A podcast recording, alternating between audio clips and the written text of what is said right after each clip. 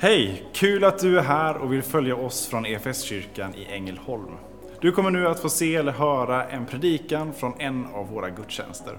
Har du några frågor eller vill veta mer om oss som kyrka så kan du alltid gå in på www.efskyrkan.info. Vill du ha tillgång till mer undervisning eller ta del av våra inspelade konferenser eller gudstjänster gå gärna in på vår play-kanal efskyrkan.tv. Nu ska vi lyssna på denna veckas predikan. Yes. Eh, Charlotta Nordström heter jag. Eh, jag jobbar sedan en månad tillbaka i Svenska kyrkan i Örkelljunga pastorat. Eh, jag har jobbat i EFS de senaste tio åren så det är eh, det är lite nytt för mig. Men eh, där jobbar jag som diakoniassistent och innan jobbat i EFS i Helsingborg och på lite andra EFS eh, Eh, ställen. Så det känns gott att få vara här och få prata om Hosea idag. Jag har en stor eh, fascination och glädje i Gamla Testamentet och Hosea är en av mina favoritböcker. Så det känns jättekul att få vara här. Jag förstår att det kanske inte är er favoritbok. Det är helt okej. Eh, men jag tänkte att jag ska börja lite och läsa här i Hosea bok och den börjar så här. Här börjar Herrens ord genom Hosea. Herren sa till Hosea, gå och skaffa dig en horkvinna och horungar, ty landet horar sig bort från Herren. Det är väl en härlig första vers i en bok. Jag kan ta det här som ett exempel att det är bra att inte ta en lösryckt vers ur Bibeln, för då kan det stå lite vad som helst. Men så börjar Hosea bok en profetbok. Och vi ska få djupdyka lite, eller ni ska få göra det de kommande veckorna. Eh, och en profet kanske inte alla har koll på vad det är, men en profet är någon som hör ett budskap ifrån Gud och sen talar det vidare. Det är som att Gud viskar lite i någons öra och sen så får den personen basunera ut till folket vad det är eh, som Herren säger. Och jag tror ofta att man tänker att en profet eller en profetia, det är någonting, något någon säger som ska hända i framtiden. Men i Bibeln är det inte riktigt så, utan en profetia är det som Herren vill tala ut som ligger på Herrens hjärta. Det är Herrens hjärta som talar. Och det kan vara till eh, nutid eller till framtid eller tala om dåtiden. Det är Herrens hjärta som talar. Och ofta talar den in i texten när den är skriven i deras samtid. Men kan också tala till framtiden, alltså till vår nutid. Så de här, den här genren med profetböcker, det är Herren som talar in i deras tid och också in i vår tid. Så det är inte bara att man ska lära sig vem Mobadja är, utan också det är Herren som talar till oss. Vad som ligger på hans hjärta. Och anledningen att de här profetböckerna behövs i Gamla Testamentet är ju för att folket tyvärr hela tiden vänder sig bort ifrån Herren. Om jag skulle sätta ett litet tema på dessa profetböcker så är det omvändelse. Det är det i stort sett alla profeter profeterar om. Ni måste vända om tillbaka till Herren igen. De är ständigt upproriska, som upproriska barn i trotsåldern som inte, de vill inte, de säger nej. Och profetens uppgift är att förmana folket, kom tillbaka till Herren. Och Hosea är en rad av massvis med profeter. Han levde på 700-talet före Kristus. Och jag tänkte så här, ni här inne kanske inte alla har koll på vad som hände på 700-talet före Kristus eller århundradena innan. Så jag tänker göra en liten recap snabbt över gamla testamentet, det kommer gå jättesnabbt. Så har vi alla koll på eh, vilken kontext, vilket sammanhang det är. Så vi börjar på 1500-talet före Kristus, ish. Så 1500-1200-talet kommer kom en man som hette Mose. Mose ledde folket ut ur Egypten. Eh, och så kom de in i Sina i öknen och skulle komma till eh, Israel. Mose dör ute i öknen och så kommer en man som heter Josua. Han leder folket in i Israel. Där så får eh, israeliterna lite olika stammar. Det finns 13 olika stammar och de får som olika områden, lite som olika landskap.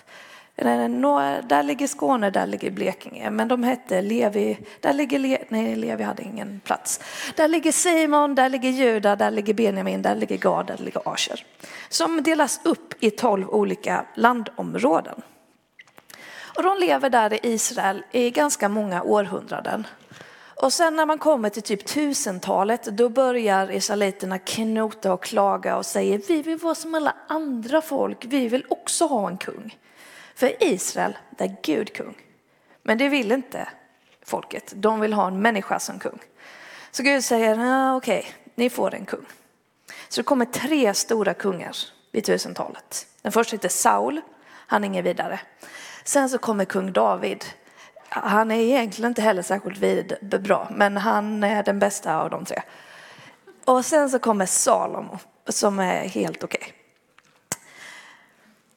Efter det så går det bara utför. Salomo han får en son som heter Rehabiam. Och Rehabiam han lyssnar på riktigt dåligt råd och blir en riktigt, riktigt dålig kung. Eh, så folket gör uppror mot Rehabiam. Eh, och det blir som ett litet inbördeskrig. Och eh, de, hela landet splittras. Så tio stammar gör uppror mot kungen och kallar sitt nya land för Israel. Och de får en kung som heter Jerobiam. Och sen så är det två stammar, Juda och Benjamin, som håller sig till Rehabiam och de kallar sitt område för Juda. Så 930, 100 år efter kungarna har eh, kommit till landet eller börjat eh, vara i landet, så splittras riket. Det är Sydriket, det är Nordriket, det är Israel, det är Juda. Och sen går det bara ännu mer utför. Om det är någon som har läst kungaböckerna så kan man känna att man blir deprimerad för att det om och om igen står att det kommer en kung. Kungen gjorde det som var ont i Herrens ögon Eh, och sen så blev han mördad av sin brorsa. Och så kommer brorsan, han gör det som är ont i Herrens ögon. Och de börjar offra till massa andra gudar, de offrar sina barn till Molok och det är bara riktigt, riktigt dåligt. Och det är här profeterna kommer in, i den här riktigt dåliga tiden. Så från ungefär 700 till 400 f.Kr. så kommer det en massa profeter som försöker få eh, israeliterna och judarna att vända om tillbaka till Herren för att de bara håller på med massa andra gudar hela tiden. Majoriteten av profeterna de är nere i Sydriket, vid Jerusalem, i Juda, men några få talar till Israel. Och Hosea och Amos är två av de profeterna som finns i Nordriket. De bor kring staden Samarien. Samarien kanske man känner igen om man läser Nya Testamentet. Men de bor i huvudstaden Samarien. Yes, det gick jättesnabbt att gå igenom Gamla Testamentet. Till Hosea. Hosea levde under en kung som hette Jerobiam den andra. Han följer inte Herren det minsta. Han tvingar folket att tillbe andra gudar. Han skapar en kogud som alla i landet ska be till och bygger eh, tempel till den här koguden. Gud är inte särskilt glad över detta, tycker det är dåligt, så han kallar Hosea att vara hans profet. Det som är lite speciellt med Hosea som Mose nämnde här är att han eh, ska inte bara säga det som ligger på Herrens hjärta. Han ska också leva det som ligger på Herrens hjärta. Och eh, Gud säger så här till Hosea, som jag läste inledningsvis. Du ska skaffa dig en horkvinna. Horkvinnan heter Gomer. Och så ska du skaffa dig horungar med henne. Så Hosea ska få en massa eh, barn tillsammans med henne. Han får det. De har riktigt härliga namn. En heter inte mitt folk. Eh, härligt namn. Och så finns det en som heter Ingen barmhärtighet. Det är också ett riktigt härligt namn. Eh, och så ska Hosea leva tillsammans med den här prostituerade kvinnan. Och Hosea ska få symbolisera Gud och Gomer ska få symbolisera Israel. Så hans liv ska visa på det dåliga förhållandet mellan Gud och Israel där Israel och Gomer hela tiden är otrogen. Hela tiden lämnar och går runt och horar då med, med andra, andra gudar, med andra män. Det här är den första delen av boken som handlar om det, de tre första kapitlen. Om Hosea och Gomer och deras jobbiga liv där han ständigt förlåter Gomer och tar tillbaka henne som sin fru. Den andra delen handlar om Herren och folket, det otrogna folket. Och vi ska få stanna upp lite inför den delen. De här delarna brukar jag dela in i tre delar. Det är Herren som talar till sitt folk. Och han talar i sorg. Jag tycker det är starka kapitel. Han känner djup sorg över att hans älskade har lämnat honom. Han anklagar sitt folk tre eh, gånger. Den första anklagelsen är kapitel 4 till eh, 5. Där Gud känner sorg och vrede över att det är ingen längre i landet som känner Herren. I kapitel 4 står det så här. Hör Herrens ord, Israels folk. Herren väcker talan mot landets invånare. Ingen kunskap om Gud finns i landet. Mitt folk ska förgöras för att de saknar kunskap. Du har förkastat kunskapen, därför ska jag förkasta dig som min präst. Du har glömt din Guds lag och därför ska jag glömma dina barn. Folket känner inte längre Herren. När Mose ledde folket så gick folket in i ett förbund med Herren om att vi lovar att älska dig och lyda dig och följa dig och vi ska berätta om vem du är för våra barn. Men folket gör inte det längre. Det är ingen som känner Herren. Det är ingen som delar kunskapen om Guds lag med sina barn längre. De har lämnat Herren. Det finns ingen kunskap om honom. Och det uppbådar djup sorg hos Herren över att de har lämnat och brutit deras förbund, deras relation, deras förhållande med varandra. Den andra anklagelsen är, eh, står mellan kapitel 6 och kapitel 10. Där fortsätter då Herren och säger att han känner djup sorg över att det är ingen längre som älskar honom. Det är ingen som älskar Herren. I kapitel 6 eh, så står det så här. Vad ska jag göra med dig Efraim? Efraim är alltså eh, ett annat namn på Israel. Efraim är den största stammen i Israel. Vad ska jag göra med dig Efraim? Vad ska jag göra med dig Juda? Er kärlek är som morgondimman, dagg som snabbt försvinner. Därför har jag huggit ner dem genom profeterna, dödat dem med mina ord. Min dom bryter fram som ljuset. Ty jag vill se kärlek, inte slaktoffer, kunskap om Gud hellre än brännoffer. De bröt förbundet i Adam. Där var de trolösa mot mig. Folket älskar inte längre Herren. Den här lilla skaran som, som har kunskap och känner Gud, de älskar inte Gud. De följer Guds lagar lite slentrianmässigt. Det går på lite automatik. Okej, okay, nu ska jag gå och offra min bock här och jag gör det för det.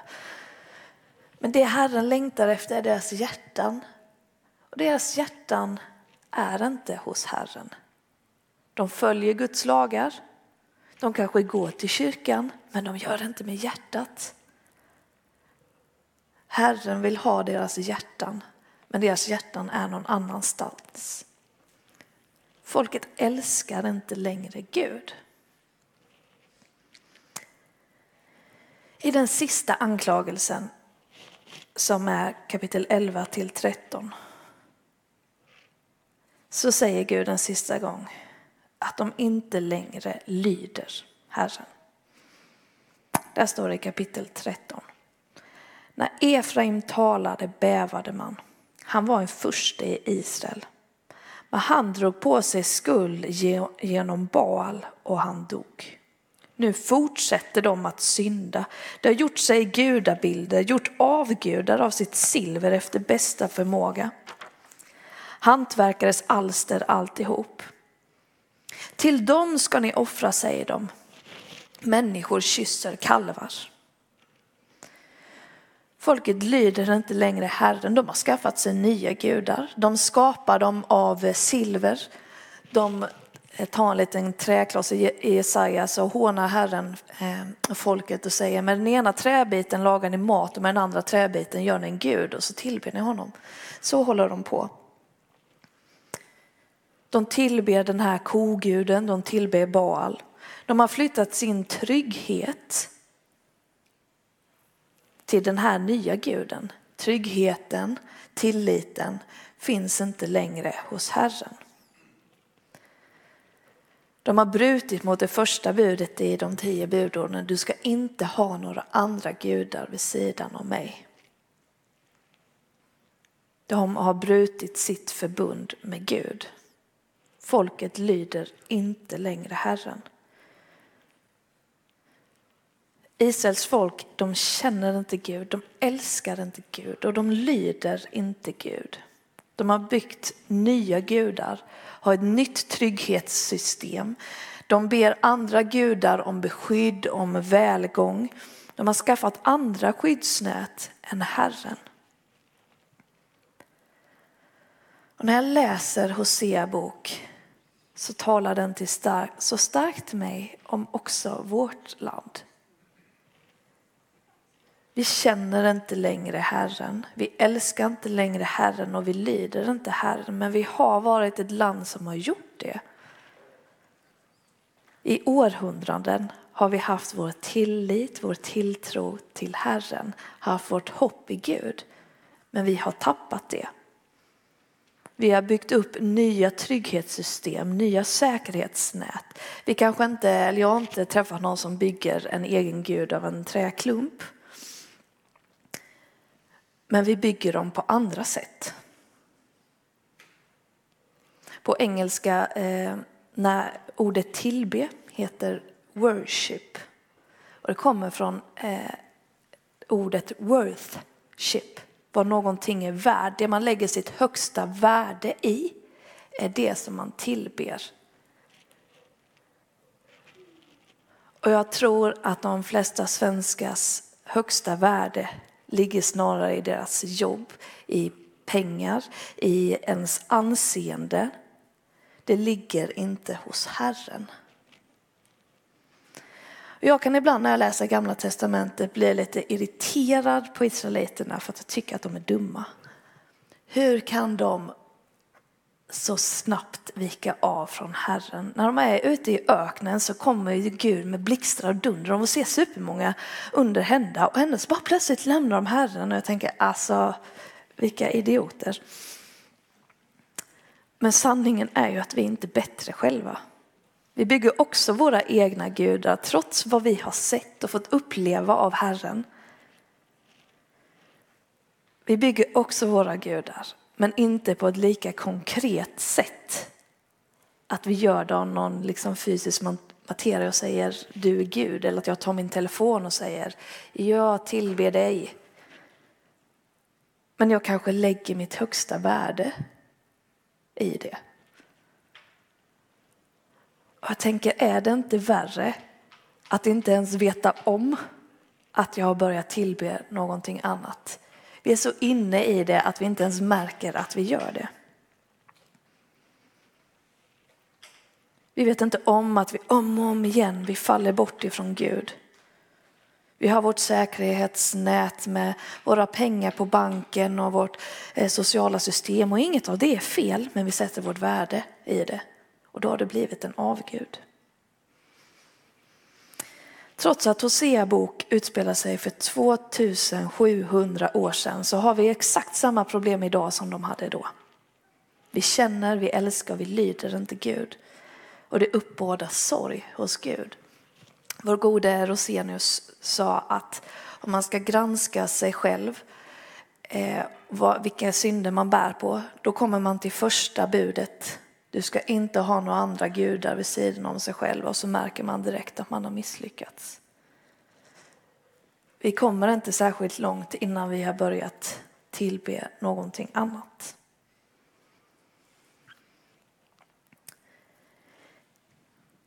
Det är de 13 första kapitlerna i Hosea bok.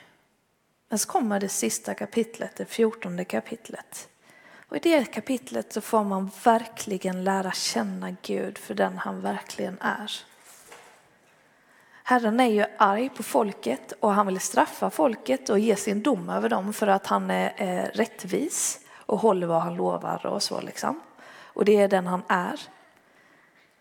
Men i det här kapitlet så får vi känna lite av det djupaste av Herrens karaktär, av hans identitet. Där Gud säger att trots att folket går runt och horar mot mig med andra gudar så kommer jag ändå rädda dem. För att jag älskar dem. Han ska rädda dem ändå trots hur de ständigt vänder sig bort ifrån Herren. Precis som Hosea om och om igen tar tillbaka Gomer så tar Herren om och om igen tillbaka sitt otrogna folk. För att han älskar dem. För det är den Herren är djupast i sin identitet. När Herren beskriver sig själv så säger han att han är stor i nåd och barmhärtighet. Han är sent till vrede och han är rik på kärlek och det är den Herren är. Att han om och om och om igen förlåter sitt folk. Jag ska läsa från det fjortonde eh, kapitlet. Vänd tillbaka Israel. Vänd tillbaka till Herren din Gud. Du har kommit på fall genom din synd. Kom med era ord och vänd tillbaka till Herren. Säg till honom, förlåt all vår skuld, ta emot det goda, vi ska infria våra löften. Assyrien räddar oss inte, vi ska inte stiga till häst, inte längre säga vår Gud till ting vi själva har gjort. Hos dig finner faderlösa barmhärtighet. Jag ska bota dem från deras trolöshet. Jag ska älska dem av hjärtat. Min vrede har vänt sig från dem.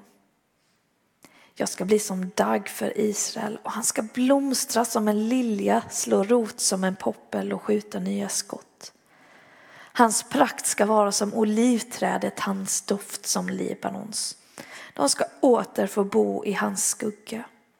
De ska frodas som en trädgård och blomstra som en vinstock.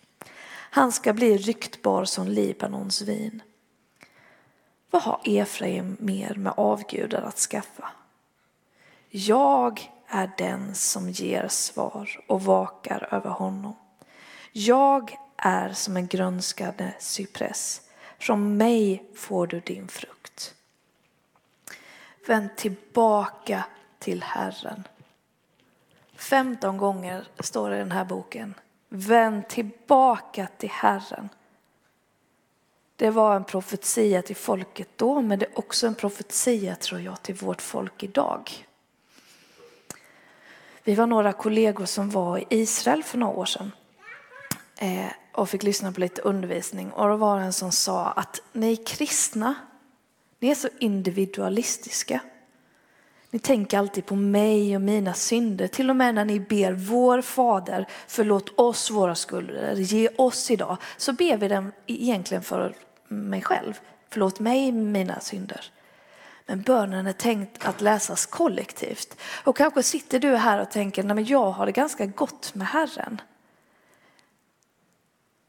Och, och jag behöver inte riktigt vända om. Men Hosea-bok är inte skriven till en person, den är skriven till hela folket. Det kanske inte är just du som har massa avgudar, eller kanske det är just du som har massa avgudar. Men hela vårt folk i vårt land har fallit ifrån Herren. Och vi behöver kollektivt för vårt folk skull vända oss om tillbaka till Herren. förlåta, Eh, be Herren om att förlåta vårt lands skulder. Inte bara mina, vilket Herren också gör, men också för hela vårt land. Herr Rosenius sa också att varje dag måste du omvända dig tillbaka till Herren igen. Varje dag så försöker ditt hjärta fly iväg. Den här omvändelsen behöver också få vara för hela vårt folk. Vänd tillbaka till Herren din Gud. Du har kommit på fall genom din synd, Sverige. Herren är den enda du behöver. Vänd tillbaka du barn till din fader. Han ska älska dig av hela hjärtat. Vad ska du med avgudar till? Herren är allt du behöver. Vänd tillbaka till Herren. Herren som är nådefull, barmhärtig, han är sen till vrede och rik på kärlek. Han ska alltid förlåta sina barn. Kom med era ord om förlåtelse till Herren, säger han, och jag ska förlåta mina barn. Vänd om igen till Herren. Vi ber tillsammans. Tack Herre att du är en älskande fader som älskar dina barn, som längtar efter dina barn. Tack att du är oändlig i din förlåtelse, i din nåd, i ditt tålamod med oss Herre. Ja, vi ber om förlåtelse när vi vänder oss bort från dig ständigt. Men tack att du ständigt förlåter oss och välkomnar oss tillbaka. Tack för ditt ord genom Hosea. Att ditt ord är levande och verksamt idag och att det också kan få tala till oss, Herre. Kom och uppenbara i våra liv det som vi behöver ta itu med, det som vi behöver vända oss ifrån. Vi vill att du ska få vara Herre i våra liv, att du ska få vara Herre i vårt land, Herre. Vi vill vända oss till dig. Amen. Som kyrka är det en glädje att få spela en liten roll av allt Gud gör i och genom ditt liv. Vi vill gärna fortsätta följa dig på den resan. Och vill du ta reda på vad ditt nästa steg kan vara på din resa med Gud så gå in på efskyrkan.info nästa steg. Vår längtan är att få se människor och samhällen förvandlade av Jesus. Genom en kyrka som återspeglar Guds hjärta bär varandra och betjänar människor varhelst vi befinner oss varje dag.